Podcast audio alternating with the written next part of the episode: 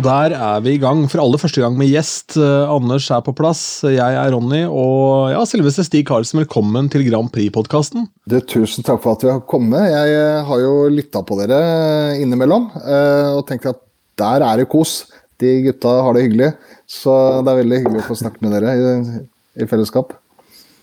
For vi har jo vi har noen spørsmål, uh, rett og slett, da, som vi tenkte at uh, dette henger sammen med at jeg skal en tur til Luxembourg, så da måtte vi spille inn noe litt før. og Så tenkte vi hvis vi kan fylle da med litt mer innhold enn at vi skal sitte og raffe rundt noe som vi ikke vet helt hva som skjer i løpet av helgen ennå, så, så, er alltid det sunt.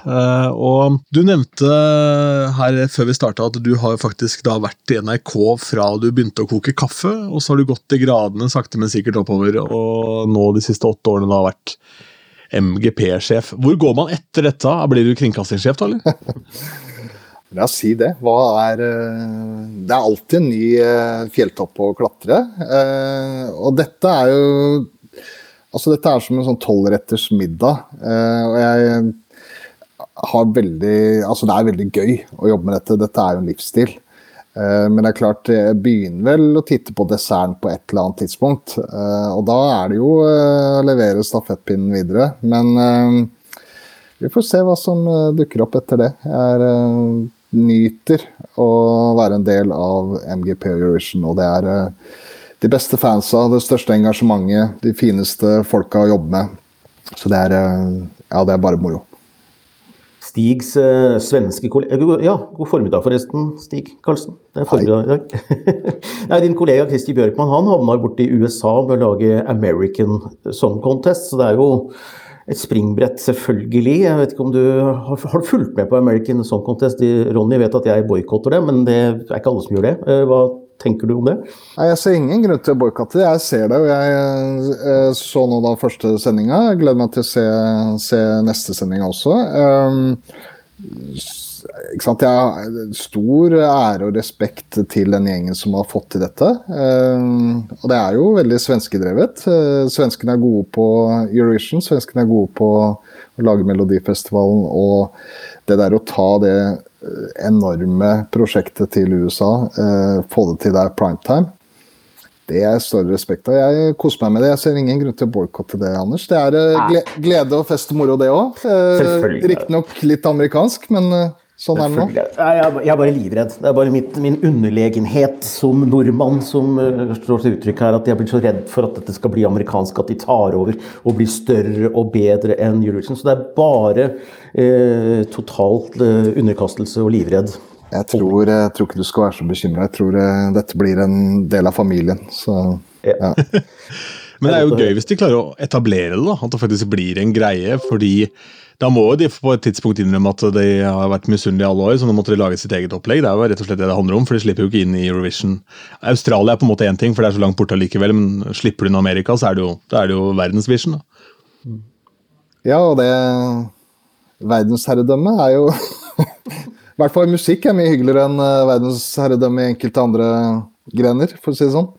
Absolutt, det er jo relevant i disse tider. Eh, Norge prøver jo i år å erobre det med ulver eh, fra månen. så også, De snakker også om verdensherredømme, men med helt andre virkemidler. Men stig litt tilbake til eh, liksom, planer og ting og tang. og du, du, på en måte Stillingen din er jo prosjektleder og musikkansvarlig og delegasjonsansvarlig for Norge. Du har liksom litt ulike hatter, litt sånn sesongavhengig. Men hva, hva, gjør du som prosjektleder akkurat nå? Er det bare Eurovision i Torino, eller er det litt sånn tanker også på MGP 2023? Det er uh, multitasking på både med å se fremover uh, MGP 2023, og så er det jo faktisk veldig mye jobb med Eurovision. Uh, er du TV-seer og du setter seg ned for å se tre, tre minutter med musikk på, på, scenen, så er det vanskelig egentlig å forstå alt som foregår i kulissene. Så da handler det jo selvfølgelig om å ha en god kommunikasjon med produksjonsteamet i Italia. Sørge for at dette nummeret da eh, vokser på den riktige måten fra en MGP-scene til verdens største musikkscene, som er jo Eurovision Song Contest. Um, så, så, det er alt liksom det tekniske og det kunstneriske knytta til det, med selvfølgelig mine dyktige nøkkelpersoner rundt meg eh, her hjemme. Og så eh, er det jo veldig mye innholdsproduksjon til typ sosiale medier, eh, backup-ting, postkort-ting, som vi jo i mye større grad er involvert i nå pga. covid, så er fortsatt en stor plage i Italia. Det er fortsatt ganske strenge restriksjoner der. Eh, og andre deler av Europa. Så, så, vi jobber jo med å produsere veldig mye. Og så er det veldig mye eh, dialog med internasjonal presse. Eh, vi liner jo opp og, og selger subwoofer både hit og dit. Eh, og rett og slett prøve å skape engasjement både internasjonalt, men også nasjonalt. Så vi, vi legger en plan, eh, jobber i det stille, og så kommer det jo noen sånn drypp eh, her og der. Og mer og mer mot da Eurovision i mai. Jeg må spørre først, Hvor mange mennesker er det i det teamet rundt deg? Nei, nå er vi jo ikke mange. Eh, vi, men når det koker som verst, da? Nei, Da kan vi være over 300. Men eh, MGP akkurat nå er jo to-tre mennesker. ikke sant? Um, også, det er indre kjerne som du jobber med på en måte da, kontinuerlig? da? Ja. Så det, mm. ikke sant? Også vokser Når du sier MGP, da, da tenker du norske, norske finalen neste ja. år og sånt? ikke sant? Ja da. Mm. Uh, så vi er, Når vi først reiser av gårde nedover, så er vi jo uh, inkludert dansere og korister og sånn, så er vi jo et team på um, 17 mennesker. Mm. Da har vi musikkprodusenter, da har vi show-regi, da har vi kostymør, da har vi ja, produksjonsledere og det ene og det andre. Ehm, men eh, Så nå er vi en liten sånn eh, designgruppeteam, så da er vi fem-seks stykker med, med, med, lys og show, regi og grafikk. Og, ja. For vi lager jo og utvikler jo dette nummeret eh, i samarbeid med RAI. Så det, det, er, det du ser på skjermene og mye av det som gjøres der, er jo skapes i Oslo i et godt samarbeid med kringkasteren. Og Det er et veldig bra team der. altså Jeg har, har veldig troa. Jeg har aldri noen gang sett en så ambisiøs produksjon når det gjelder scenedesign og sånne ting. Nå har vi jo bare sett skissene foreløpig. De er i gang med å rigge det nå. Eh, rennende vann, et lite fossefall ned fra scenekanten. Eh, en stor grønn oase er jo arenaen. Så høyteknologi blanda med veldig organiske elementer blir jo veldig spennende. Spennende er ordet, og jeg, jeg, kjenner, for å dra inn litt sånn Grand Prix-historikk her, så, så, klart at jeg blir litt nervøs når det er Italia av alle som skal strekke strikken lengst mulig. for Sist gang de arrangerte, så var vel det den mest eh, teknisk utsatte for feil eh, noen gang. Det var backtrack som starta feil og alt sånt. Så jeg blir litt nervøs, og så håper jeg det beste. Og så er jo ikke noe sirkus noe moro noen gang hvis ikke noen av og til ramler ned fra den trapesen. Så det, jeg, vi har snakka sammen noen ganger, Stig, og du vet jo at jeg elsker å spørre deg og elsker sånne historier. Hva er du innerst inne, jeg har aldri fått svar på det, men jeg spør allikevel, så hva er du mest redd for kan gå gærent? Fordi dere vet jo det, at det er masse ting som kan gå gærent. Og her legges det opp til en fest, Ronny, på ting som kan gå gærent. fossefall det er en grunn til at det ikke er lov egentlig på vanlig nummer i MGP. ikke sant? Da Kristian Valen skulle prøve dusjen i MGP, så hadde vi jo lekkasje nede i Oslo Spektrum hele natta. Så, så Stig og Men, måtte eh, jobbe overtid for å Jeg er også litt bekymra for at det ikke er noe særlig vann på månen. Så hvordan blir dette? ja. Nei, altså jeg er jo eh, altså Det jeg er nervøs for eh, alltid, er jo avstemminga. Fordi at det er det det inviterer inn til, og vi har sett at det kan gå skikkelig gærent. Jeg har fått følge det på kroppen. Så det er jo noe jeg tenker på hver gang en arrangør uh, går i gang med et altså type program hvor folk skal stemme, så er, det en ikke sant, det er krevende greie. Teknologien rundt det og det derre volumet av engasjement som kommer inn, det, det er, er, eh, Der skal du ha gjort jobben din ordentlig. og det, Ting skjer fort, og du har på en måte Det skal leveres. Det var lettere når man skulle sende inn postkort og man hadde et program uh, uka etter, som er jo facts. Det hadde man før. Men hvor involvert er NRK i eh, promoplanen rundt Subwoolfer? Altså, hvordan fungerer den biten? La oss, Forrige episode Anders, så snakka vi om eh, Barcelona, hvor da basically Subwoolfer eide hele den Priparty. For de hadde gjort noe mer ut av det enn å bare kjøre rett opp og ned, ikke sant? Med intro litt sånn forskjellig. Og de forberedte seg. Ja, det kan du si. Er det noe NRK har vært delaktig i der, eller altså, hvordan fungerer denne prosessen? Først må jeg si at uh, Subwoolfer har skjønt dette og er veldig fin å jobbe med. Det er, uh, vi må liksom hvert år drive nesten litt sånn Eurovision-skole, for det er ikke alle artistene som skjønner uh, hvor stort og hva som krever for å begynne å lage den entusiasmen og bygge fra grasrota. Eh, det har vært veldig lett med disse eh, romvesenene. De, de har tydeligvis noen eh, gener for, for, akkurat dette showet. Men det er jo et samarbeid. Men her er det jo Universal Music, og så er det artisten, og så er det, er det NRK. Vi, NRK er jo litt sånn at vi har fokus på det som er det offisielle.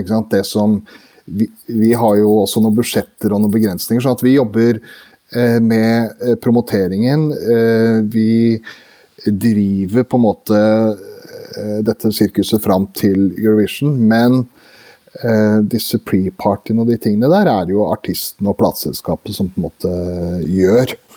Um, men det er, det er, et godt samarbeid. Det handler jo mye om eksponering. Få mest mulig synlighet for artisten før Eurovision, og selvfølgelig mye dialog eh, rundt det vi skal gjøre der nede, og hvordan, eh, hvordan det skal spilles ut. Apropos det, altså, jeg, jeg så jo den eh, liveforestillingen, og så tenker jeg sånn Hvis jeg skulle hatt regi på et nummer med Subwoolfer, så er det en del sånne ting, sånne utfordringer jeg hadde tenkt på. Det er bl.a. å få energi inn i et nummer hvor du ikke har energi gjennom blikk eller mimikk Altså, det er på en måte en ganske sånn det er en risiko der. Uh, ser du den risikoen, og hva tenker dere rundt liksom å ja, skape kontakt? Mm. Ja, det, ja, men det er gøy at du sier det. Uh, fordi at det har, jo, har, vi jo diskutert veldig mye. Uh, og da også før MGP så handla det jo veldig mye om det at Hvordan skal disse maskene se ut, og hvordan For det var jo en, en del av det hele. og den dansen og humoren og gimmicken i ulvene eh, kompenserer for øyekontakten, tenker jeg. Det er litt det jeg ser. Og det er jo litt der vi er nå. Eh, jeg føler at den humoren som ligger der, er leken, men ikke barnslig. Den er ganske sharp. Eh, og det føler jeg også at låta er mer sofistikert enn man kanskje tenker sånn umiddelbart. Den har en del lag, både i, eh, i det musikalske, men også i teksten. Eh, folk har jo analysert seg fram til mye rart knytta til denne teksten.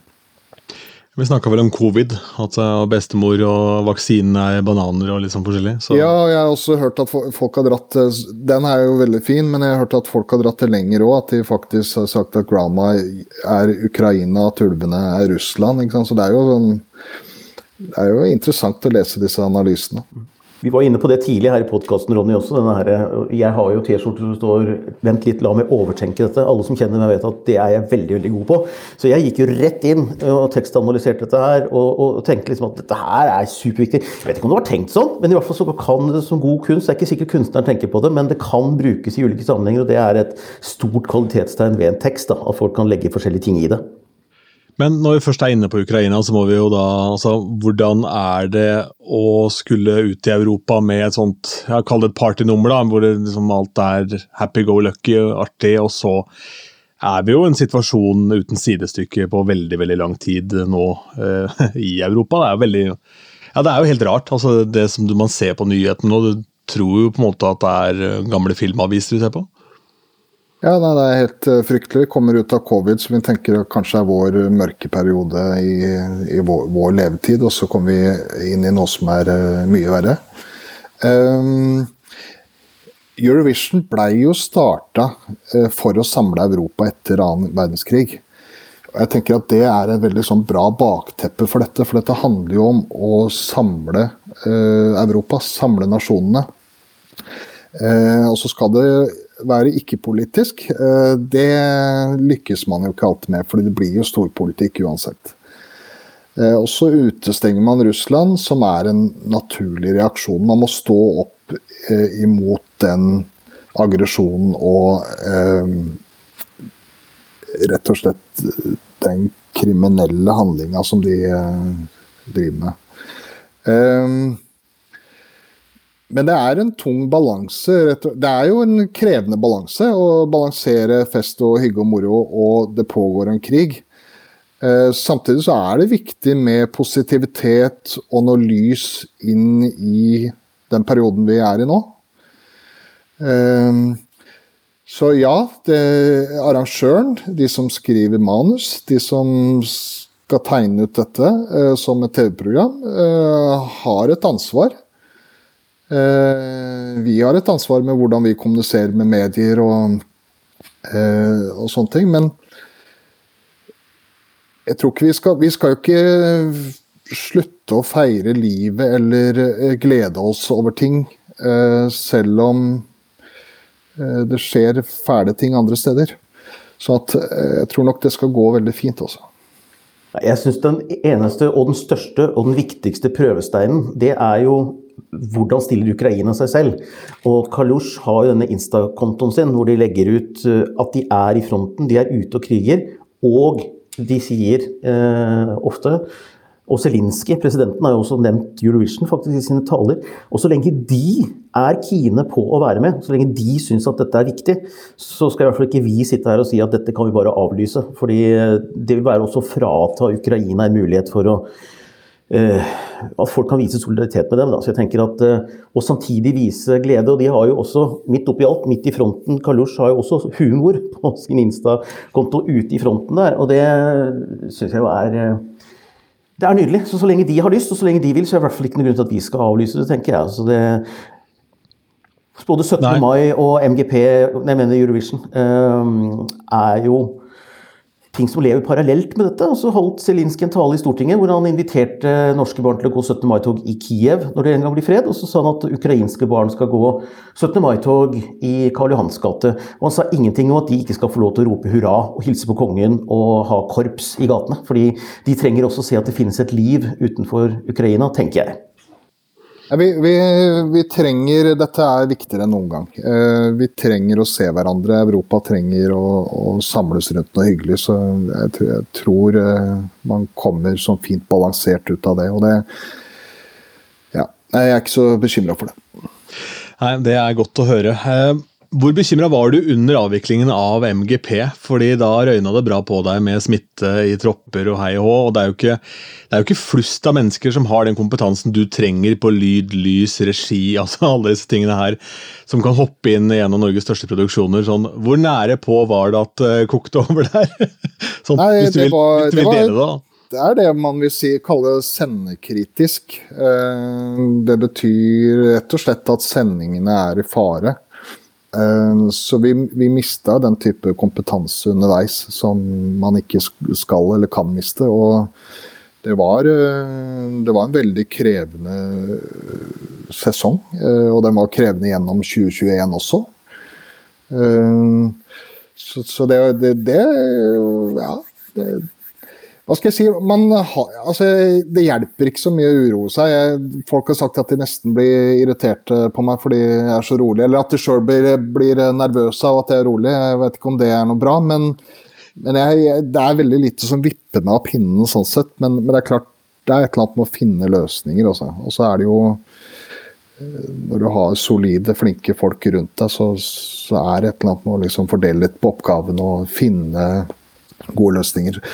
Og så er det jo, Vi lever i en tid med eh, teknologi som gjør det mulighet til å gjøre ting hjemmefra. også. så, så lenge ikke folk var ordentlig syke, så kunne de faktisk løse ting hjemmefra. Så vi hadde, vi hadde noen som satt med ganske avansert utstyr og trykka på knapper faktisk på hjemmekontor, og det, det er jo litt artig i og for seg. Det er kult å, kult å tenke på, for det har ikke vi altså Vi ser jo for oss at det står en VB-buss utafor, vi som i gamle dager. Men uh, det er jo faktisk utrolig gøy da, at det er mulig å avvikle en såpass sinnssyk produksjon som det er hjemmefra.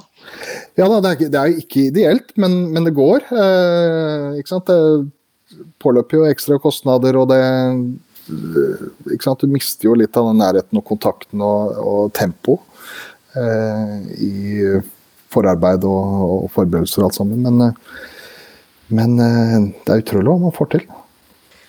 Tilbake til Subwoolfer og uh, Torino og produksjonen. Altså, en ting er at ting kan gjøres hjemmefra, men vi får anta at Subwoolfer skal stå på en scene i Torino og ikke hjemme på månen. Og da tenker jeg på hva er det konkret dere gjør nå for å se showet for seg? Har dere digitalt 3D-verktøy, sånn at dere plasserer liksom ulvene sånn på et sånt dataprogram, som en app, nesten og ser liksom hvordan det kan se ut. Sitter det noen lysfolk og sier nei, men vi kan ha gult lys der. For det som imponerer meg, er at når disse går på prøven eh, i begynnelsen av mai, ikke sant, så, så går de på scenen de aldri sett scenen før, og så spiller det stort sett alltid på første mm. forsøk. Mm. så jeg lurer på, hvor, hvor, har, hvor, har, man øvd? Hvordan gjør dere det? Det må jo ha noe verktøy? Nei, men Det er helt riktig. Det er jo modeller og tegninger og eh, prøve å simulere dette på skjerm eller på papir da, eh, først. Eh, så der får jo vi ganske detaljerte tegninger eh, og modeller eh, sendt eh, til oss. Og så sitter jo vi da et lite team og ser på det. Eh, da er det jo et eller annet med å finne den balansen mellom eh, hva skal jeg si, eh, putte nok inn der, men samtidig ikke putte inn for mye. ikke sant? Det er et eller annet med å rendyrke nummeret. Hva er liksom momentene i dette nummeret? og eh, hva må vi passe på at på en måte treffer folk på de riktige stedene? og helt at det er jo man leverer jo liksom et nummer som skal ha en eller annen dramaturgi, og som folk skal være med på en liten reise. Tre minutters reise. Uh, men hvorfor det fungerer, det er fordi man legger ned arbeid og fordi man har en god dialog med de der nede. Og så er det jo Det som ikke alle vet om, det er jo at man gjør jo sånne stand-in-prøver. Det betyr at eh, om ikke så altfor lenge, eh, rundt den 20. april, så er det jo rett og slett noen lokale subwoofers, noen italienere som kommer fra en eller annen teaterskole eller uh, musikalskole eller et eller annet, og så kommer de inn, og så er de rett og slett subwoofer på scenen der. Så får vi tilsendt en video. Dette er førsteutkastet vårt, hvordan syns dere det ser ut? Og så får vi 24 timer på oss til å notere eh, tilbakemeldinger på lys, på bilderegi, Eh, på plassering av propsene vi allerede har sendt nedover, osv. Så, videre. så det, det, er, eh, det er et sånn deilig samarbeid. Altså. Det er veldig hyggelig å jobbe internasjonalt med Eh, med, med, med, fine, flinke folk med forskjellig kultur. Forskjellig kultur for hvordan de lager TV. Eh, mye deilig aksent. Det er jo nydelig. Men eh, det, du, du, nevnte elefanten i rommet, eller ulven i rommet. Det er jo at Subwoolfer skal ha stand-ins. Bare det er jo veldig gøy å tenke på, fordi det er jo snakk om et par masker. Så det er den første gang i år hvor du egentlig kunne brukt den eh, innspillingen med disse stand-in-folka uten at folk ville se forskjell. Bare man har et annet lydspor. Fordi det er, jo, det er jo lett å spille på dette her. Da. Det er jo, man vet jo ikke hvem som har på seg disse maskene her. Så. men, men jeg får litt sånn tanker tilbake No. Tanker tilbake til da man på en måte skulle få roller i eh, sånn eh, skuespill på skolen, så ville jo alle ha den eller den rollen. Og jeg tenker jo det at Når man da går til denne linja med da, så vil jo alle selvfølgelig være subwoolfers. Ingen vil jo stå og være stand-in for en sånn syngedame som synger en kjedelig ballade. Alle vil jo være ulv. altså, hallo! Selvfølgelig. Det er jo det kule nummeret å være. ja. Jeg har en veldig kul historie, faktisk. fordi at um, når vi var i Lisboa med, med Rybak nå sist gang Rybak var med, i 2018, så um, trasker vi da ute i Lisboa by, og det var nesten umulig å gå noe sted uten at det var masse fans rundt Rybak. Det var helt uh, ko-ko. Uh, rart å se. Um, men så går vi da ganske stille og rolig for oss sjøl, uh, helt sånn randomly et eller annet sted i byen, og så plutselig møter vi på vedkommende som var stand-in. Vi kjenner han igjen fra videoen! Og han kjenner jo selvfølgelig igjen Rybak, veit hvem Rybak er. Ja. Vi får et møte da med denne stand-in-artisten eh, på gata der. Det var veldig hyggelig og veldig overraskende. Men det morsomme er jo, Ronny eh, Du Stig, du har jo hørt noen av episodene våre. og Litt av konseptet er at Ronny er primært DJ og radioprogramleder og musikkinteressert. Jeg er ikke så eh, inne i alt det som han er, men jeg prøver å få han veldig gira på Eurovision. og Det er liksom målet. Jeg syns vi har kommet veldig langt. Og det, Ronny, det er morsomt, da, for ofte så slipper slippes da, disse dummy-versjonene eller disse stand-in-versjonene slippes sånn rett etter eller rundt finalen en gang. Og det er alltid gøy å se det, altså. Det er øh, prøver som leverer like bra. Jeg tror ikke de slippes, jeg tror, jeg tror de lekkes. lekkes ja. uh, og ikke, ikke, at de lekker Eller dette er bare noe jeg tror, jeg vet ja. ikke. Jeg, jeg, jeg har også lagt merke til at noen av disse dukker opp. Jeg tror ikke det er noe plan bak det. Nei, nei for det, det, alt ligger jo ikke der. Men hvis du, hvis du googler på YouTube 'stand-in uh, rehearsal for', så, så, finner du noen enkelte der, altså. Men det er nok riktig. Alt ligger ikke der. Så, uh, men det er veldig gøy å se, fordi de, de går all in, altså. Uh, jeg har ikke sett noe for Tix i fjor, for noen, noen er jo så på store personligheter at de er ikke så lett å, å gjøre, da. For, fordi personligheten er på en måte det som fyller, fyller scenerommet, ikke sant. Og men subwoofer er vel kanskje noe av det enklere å øve på sånn scenisk sett, da, fordi de, de kommer til å se ganske like ut antakeligvis på stand-in. Men, men dere, dere, må jo ha det fryktelig moro med alle disse spekulasjonene om er det DJ-en som egentlig er den ene og som synger sånn at danserne skal kunne gjøre jobben ute, siden de ikke har mikrofoner? Er det playback? Er det singback? Er det to som synger? Er det fire? Er det 16 stykker som egentlig er subwoolfer? Turner de på intervjuer, eller er det andre som gjør det? Altså, Dere må jo ha det fryktelig moro! Jeg har ikke sett så mye skal vi si, mororotete diskusjoner om et Grand Prix-bidrag noensinne. Det jo, går jo i alle retninger. Nei, det er, det er gøy. Det, vi veit jo at dette med masker funker. Jeg er jo, som du vet, stor fan av, eh, av Kiss, eh, rockebandet Kiss. Og um, de holdt seg jo skjult i ti år. Eh, så var det jo liksom en av verdens største rockeband. Eh, kanskje verdens største på et tidspunkt òg. Eh, så det hadde jo folk rundt seg hele tiden som prøvde å ta bilder av dem, men, men det var jo ikke noen mobiltelefoner, det var ikke noen uh, sosiale medier. Så de klarte å holde dette i, ti år. Uh, det er jo langt vanskeligere å drive dette sirkuset nå, men det er jo Jeg må ta noen telefoner da, og gjøre meg, gjøre meg til venn med noen sånne på Gardermoen f.eks. Vi, vi har jo noen planer for å klare å komme gjennom dette usett. Ja, si litt om det. For det, akkurat en flyreise er det mange som har poengtert om man kan søke om eh, sånn, altså søke om tillatelse til å reise med maske gjennom passkontrollen, eller om da disse her må reise hver for seg, eller, altså, eller har litt lave skuldre på at hvis noen skulle avsløre eller ta bilder, da, så gjør det ikke så mye. De har eget romskip, så det er ikke noe, dette blir ikke noe problem. Men jeg har faktisk nå eh, noe inside information på hvem DJ-en kan være. Jaha. For ved siden av denne podkasten så lager jeg en podkast hvor jeg snakker med DJ-kollegaer. Er det deg, Ronny? Og, nei, du veit hva. Det hadde vært stas. Men da måtte det vært enda litt større kostyme. Um, men da snakker jeg med DJ-kollegaer der, og en som jeg nå har booket, er jo denne herremannen som står bak CLMD. En kar som heter Martin. Eh, og han svarte altså på mail med følgende eh, sånn tagline Sent from outer space. Mm -hmm. Ja, ja. Og der står det vanligvis 'sendt fra Martins iPhone'. ikke sant? 'Sent from outer space'. Så der kan det hende det er en liten greie, altså. Ja, ja. Nei, det er mange som tror de har taket på hvem disse er, og så, og så, og så lurer de oss. Ja, men altså, hvordan kan han være der da? Han, hvordan kan han talspersonen være der, siden han egentlig var det ikke han som var DJ? Altså, det, er, det er jo masse greier som, som, virvles opp rundt her, ikke sant? og det er jo, det er jo fryktelig gøy. Eh, og det, det, som er gøy nå, er hvis han da ikke har fått med seg at det er en diskusjon rundt den DJ-en, det hele tatt, så er det første jeg spør han om i den podkasten, skal handle om DJ-en, og sier er du DJ-en til Subwoolfer? Herlig. Uh, Kiss, Men, ja. ja, det, ja det, hvorfor har ikke Kiss gjort Eurovision? Det er ingen som har bladd opp penga?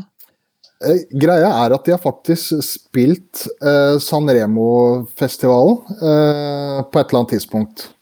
Um, og de er veldig klar over Eurovision. Jeg har snakka med de faktisk om Eurovision på tomannshånd. Uh, og de er klar over hvor stort det er, men de var også på det tidspunktet liksom i USA så vet veldig få hva det er, og, og vi bryr oss ikke. Men vi er, vi er, jo klar over hvor stort det er, eh, sa de. Men nå har de jo fått en innføring da, med American Song Contest. Eh, ja, de var vel, Sanremo var vel en satellittoverføring fra USA hvor de, hvor de bare var en gjesteartist. De var ikke med i noen konkurranse. De har ikke mm. hatt eh, Ja, de har ikke vært en del av, av det. sa jo har jo da som band skjønt det som er hele konseptet til Eurovision. Det handler om show i tillegg til uh, musikk. dette her. Uh, og jeg så Kiss første gang live i München for bare noen få år siden. For det var liksom et av de bandene som trengte å krysse av som ikke jeg hadde sett live. Og så har jeg, også har jeg om ikke jeg har skydd det, så har jeg da valgt å ikke gjøre det fordi det ble så voldsomt svært og så Og de som ikke liker det, de snakker så jævlig høyt. Altså, og da har jeg på en måte ikke brukt de 1200 kronene på å gå i Spektrum, eller hva det koster. ikke sant? Men det var altså så gøy i München. Altså med pyro og blod ut av kjeften og ziplines, og det var så deilig harry og flott. Uh, så jeg storkoste meg. Men jeg føler uh, altså, Når det kommer til Kiss, da. Kiss og Eurovision er ikke så ulikt. Fordi at uh, hvis du begynner å gå litt inn i det, så har det en ganske stor verdi, og det er altså, Det bærer med seg kvalitet. og overskriften er fellesskap og glede og eh, få folket sammen. Budskapet er, er, veldig det samme. Og så er det det der at musikk er ikke bare lydbølger. Musikk er også visuelt. Musikk er en pakke, en opplevelse, noe du føler. Um, så, og det, det så, så, hvem bryr seg om hva kritikerne mener? Jeg mener eh, Eurovision er eh, verdens største musikkshow, uansett hvordan du vender og vrir på det. Du nevnte innledningsvis her, Stig, at det er som en tolvretters middag. Det var et litt annen sammenheng du sa det, men jeg tenker jeg er opptatt av mat og vin og sånn. og, og eh, Det er jo noe med det at næringen i maten er jo den samme uansett hvordan du pakker den inn. Men en god restaurant og god restaurantopplevelse handler jo om noe annet enn å få i seg den næringen. Det er på en måte rammen rundt, det er stolen du sitter i, det er selskapet du har rundt bordet. Eh, det er at kelneren er høflig, eh, og at det ser presentabelt ut og gøy og morsomt. At det blir en fest å spise. Og det samme er det med musikken. altså Veldig mange er bare opptatt av næringsinnholdet i musikken. Og det er, eh, det er nesten det minst vesentlige for meg. Altså, fordi jeg skal kunne overleve fint uten musikk. Nei, det kan jeg egentlig ikke. Men hvis du tar bort alt rundt, så mister jeg også litt interessen for musikken. Fordi norsk sceneshow har jo ofte vært litt sånn i overkant jålete nedover, hvor sceneshowet egentlig består av to sånne hvite håndklær som legges opp på Pivi-monitoren i starten, og en, kanskje en halvliter øl på en barkrakk. Så er du i gang, og så kommer trommisen litt sånn dassende inn. ikke sant? Derfor var det så deilig også med dette bandet som eh, kom på andreplass i NGP, altså North Kid. Vi hadde podkast eh, med dem, og de sa jo det at de de tenker regi i alt de gjør, det. Og de er presise. Eh, og det gleda et sånn showhjerte for meg. Det, ikke, det, går jo ikke ut av musikken, snarere tvert imot. Nei, alt, alt sammen er historiefortelling. Eh, og jeg er jo musikkentusiast eh, på min hals og er opptatt av kvalitetsmusikk og lytter til alt mulig og er, ikke sant, jeg er musikknerd. Men det er, ikke sant, det er Ja takk, begge deler. Jeg, jeg, vil ha show, jeg vil ha underholdning, jeg vil glede, jeg vil ha fellesskap. Uh, og så vil jeg ha fett musikk. Uh, og man kan snakke om da sofistikerte låter som gir deg den opplevelsen, og så har du partylåter uh, som på en måte ikke får den samme anerkjennelse fra anmelderne. Det er også en form for kvalitet. eller kan være. Fordi hvis det treffer folk, hvis det beveger folk, så er det kvalitet da har du lykkes med det produktet. Så jeg eh, er jo syns det er gøy med anmeldere, for det er en del av engasjementet. Eh, Ternekast 1 kan også være gøy å være egentlig en eh, Jeg tror liksom seieren til Tix ble enda sterkere av at det var så mange ener og toere der. Eh, han svarte på en måte anmelderne, på en måte. Uh, men, jeg, men, det er folket som har fasiten. Det er folket som svarer på om dette har livets rett. Det er ikke de subjektive anmelderne. Aldri. Og godt er det. Subulfer ligger nå på en åttendeplass på oddsen, Stig.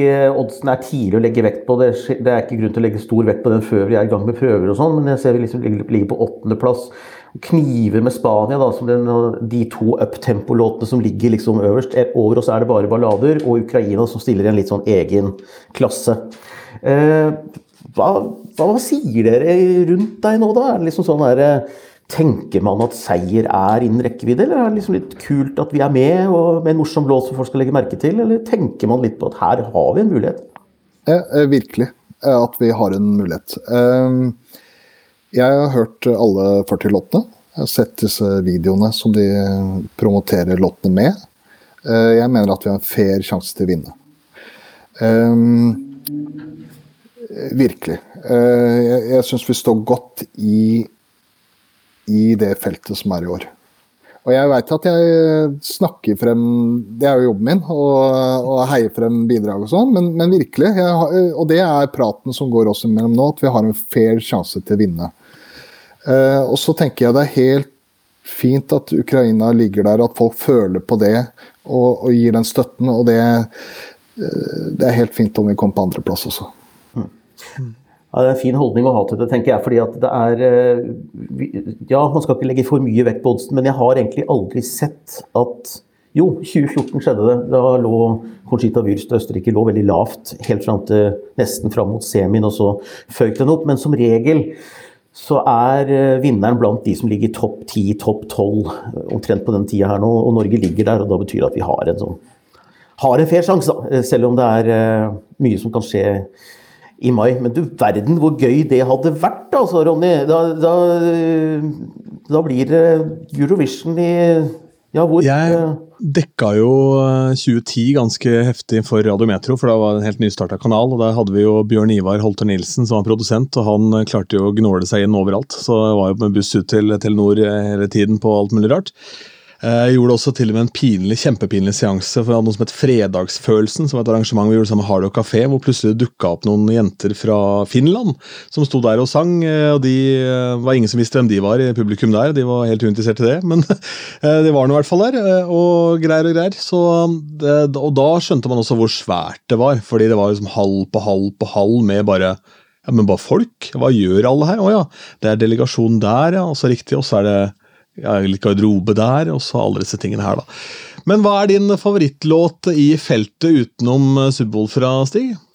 Eh, jeg syns jo Spania er helt rå. Jeg, jeg syns jo det er fest, og jeg syns det er en kul låt, eh, rett og slett. Um, og så er det um, Moldova, som jeg bare syns er ja. Det er togturen, er det ikke det? Jo, det er den. Jo, jo, jo. Til, jo. Mellom, mellom Bucuresti og uh, Det syns jeg er uh, usikker på hvor høyt de kommer.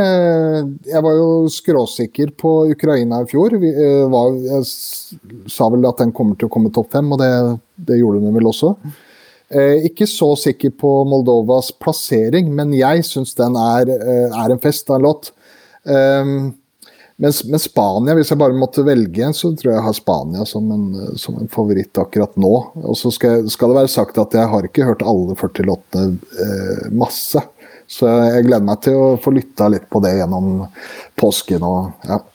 Men to ting om Moldova. Moldova er det siste landet jeg var i før eh, nedstengningen. Det siste utlandet jeg var i. Eh, og Moldova, fantastisk land. Kisna er en kjempespennende by. Anbefales til alle. Fattig, men det gjør ikke noe. De er rike på mye annet. Eh, og Sunstroke Project, dere nevnte 2010. Det var ganske interessant, fordi de kjente ikke Eurovision-kulturen ut og inn, for å si det sånn. For de var på Euroclub på smuget i Oslo og lurte på hvor alle damene var. For de tenkte det må jo være noen damer et sted. Så da måtte vi forklare et og annet om hvordan Grand Prix-publikummet hang sangen. Så, så, de dro et litt annet sted etterpå. Vi kunne vise dem vei dit også. Men det var veldig gøy altså, å se. Liksom, og de elska uansett hvem det var som var her og der. Men det var gøy å se denne innføringen i sånn som du også fikk, Ronny, på dette stedet hvor du hadde med deg finske uten at de visste helt hvem de var. Hadde de gått Men, på Euroclub, så hadde de blitt omringet av autografjegere med en gang. Mm. Ja, Er det noen som uh, trekker damer, eh, så er det vel han Epic Sax Guy da, fra Sunstroke Project. Han må vel eh, klare det. Altså, Mer Big Dick Energy er ikke mulig å få på en scene enn det han klarte Nei. å levere der. så...